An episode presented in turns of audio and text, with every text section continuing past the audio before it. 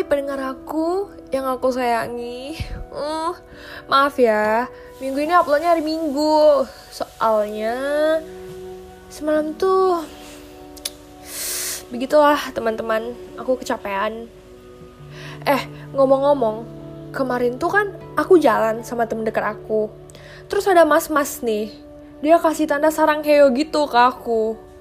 Ini bukan kegeeran ya Tapi dia memang kasih tanda sarang heo gitu dan aku membalasnya dengan jari tengah. Jadi aku tuh cuman mau bilang aku tahu mas gak dengerin podcast aku juga. Tapi maaf ya mas aku kasih jari tengah. Soalnya aku gak kenal sama mas. Dan mas creepy. Jadi ya begitulah. Uh, ngomong-ngomong ngomong-ngomong lagi nih, siapa nih yang udah nungguin podcast aku? Kalau kalian nungguin beneran, I love you, I love you banget. Untuk hari ini, aku kayaknya bakal ngebicarain pet peeves aku. Tau nggak pet peeves itu apa? Cah, pet peeves. Kalau misalnya nggak tahu, boleh dicari di Google. Tulisannya P E T spasi P E E V E S. Nah, Kalian tau gak sih rasanya sebel sama orang yang bilang, Aku mau ngajak kamu jalan tadi, tapi gak jadi, karena aku kira kamu sibuk.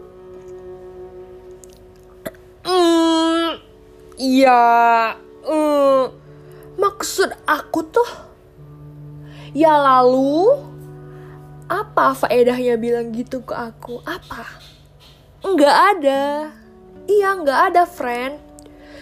Ya oke okay lah. Kalau kamu yang sibuk terus kamu tuh minta maafnya karena kamu yang sibuk. Tapi kenapa malah minta maaf karena aku gitu? Paham nggak maksud aku tuh apa? Kenapa minta maafnya karena anda mengira saya sibuk? Kayak nanya aja tuh nggak. Ucapan itu tidak keluar dari mulut Anda gitu. Ngajak aja enggak. Minimal ya tanya gitu loh. Jadi kayak nggak kesel juga nih ya kan. Sebenarnya masalahnya itu adalah yang kayak gini tuh nggak satu dua orang aja. Jadi kayak menyesek gitu, mengsedih kenapa sih harus banyak yang kayak gini? Gak suka gitu. Nah selain dicoba aja enggak hal yang paling aku nggak suka dari hal tersebut adalah ketika orang minta maaf karena kita. Di sini ngerti nggak? Emang agak susah sih bilangnya aduh Nih aku ada cerita nih ya. Cerita lagi my friend, cerita lagi. Hmm, tiap minggu akan selalu ada cerita tentang orang-orang yang bego. Nih aku ada cerita tentang satu orang yang menurut aku manipulatif. Yang uh, mm, nggak bisa dilupakan, susah untuk dilupakan gitu my friend. Jadi kita sebut saja orang ini Mango. Jangan Mango deh. Bahasa Indonesia aja. Kita panggil dia si Mangga. Nah, aku dan si Mangga ini cukup dekat dan dulunya, dulunya cukup dekat dan dulunya juga hampir ketemu hampir setiap hari. Eh, gimana sih? Nah, pokok pokoknya tuh aku sama si Mangga ini dulu deket dan hampir ketemu setiap hari. Dan for your information, aku sama si Mangga ini juga untungnya udah nggak dekat lagi dan bisa dibilang putus hubungan sih. Yang um, keadaan tersebut adalah keadaan yang aku syukuri. Nah, kenapa nih bisa putus hubungan nih? Kenapa Feb? Ayo ceritakan. Kronologinya gini. Kalian bayangin eh btw ini bukan alasannya sih cuman ini satu dari banyak alasan gitu. Kapan-kapan deh kita gibahin si mangga ini. Eish. nah kronologinya itu gini. Kalian bayangin ya deket sama orang yang setiap meminta maaf kalimatnya adalah maaf ya karena kamu ngerasa stres. Contohnya ya mungkin beberapa dari kalian gak paham di mana letak kekesalannya. Tapi menurut aku, kalimat permintaan maaf yang dia ucapkan itu bukan permintaan maaf karena perbuatan dia, tapi karena reaksi dia. Eh, sorry sorry. Tapi karena reaksi aku terhadap perbuatan dia. Yang di mana hal itu membuat seolah-olah kalau Ya emangnya aku salah ngelakuin hal tersebut karena aku gak merasa bersalah. Jadi aku minta maafnya karena reaksi kamu. Kalian ngeh gak di sini? Ngeh gak? Nih nih, aku kasih lagi contoh sederhana dari hal tersebut ya. Misalnya nih, ada orang yang dengan sengaja ataupun gak sengaja nyakitin kamu. Nah, kalau memang seseorang tersebut tuh sincere dan uh, tulus atas permintaan maafnya, Kata-kata yang akan keluar dari mulut dia adalah kurang lebih kayak gini.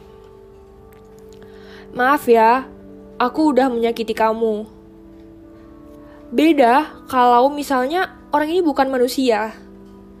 Kata-kata yang akan diucapkan kayak gini. Maaf ya, karena kamu sakit hati. Kalian nggak? Aku nggak tahu deh ya, kalian tuh bisa spot perbedaan dari dua kalimat tersebut atau enggak. Tapi menurut aku, walaupun perbedaannya terlihat kecil dan cuman mungkin satu kata doang, tapi menurut aku itu uh, dampaknya besar dan penting untuk diperhatikan. Jadi ya begitulah guys. Dia meminta maaf karena kamu versus dia meminta maaf karena dia sendiri. Coba kalian cerna dulu kata-kata yang aku ucapkan tersebut. Make sense gak sama kalian? Kalau di aku sih ini make sense ya.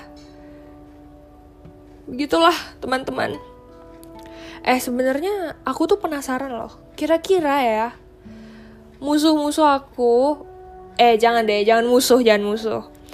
orang orang-orang yang pernah nyakitin aku, mereka tuh dengerin podcast aku nggak ya?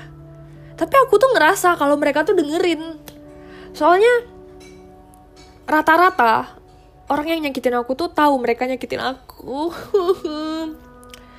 Dan aku yakin mereka penasaran. Kira-kira hari ini si Febri bicarain siapa ya? Jangan-jangan bicarain aku. Sebenarnya nggak apa-apa juga sih. Bagus kalau mereka denger kan kalau dipikir-pikir lagi, mereka bisa jadi pendengar setia podcast ini. Sambil menunggu kapan mereka dibicarakan. Dan kalau seandainya kalian ngerasa lagi dibicarain di podcast ini, mungkin aku bukan bicarain kalian, tapi kalian harus sadar kalau hal yang kalian lakuin itu nyakitin perasaan orang lain dan kadang bisa punya dampak yang besar ke orang lain. Walaupun kadang hal tersebut adalah hal yang terdengar sepele, tapi kita harus tahu kalau tingkat sepele orang itu beda-beda. Nah, begitu teman-teman. Jadi, untuk menutup podcast kita minggu ini, aku bawa ini quotes dari Phil McGraw. It's better being healthy alone than sick with someone else. Artinya, lebih baik sehat sendiri daripada sakit bersama orang lain. Nah, sekian nih dari Factory. And have a nice day semua. Besok Senin loh. Semangat ya.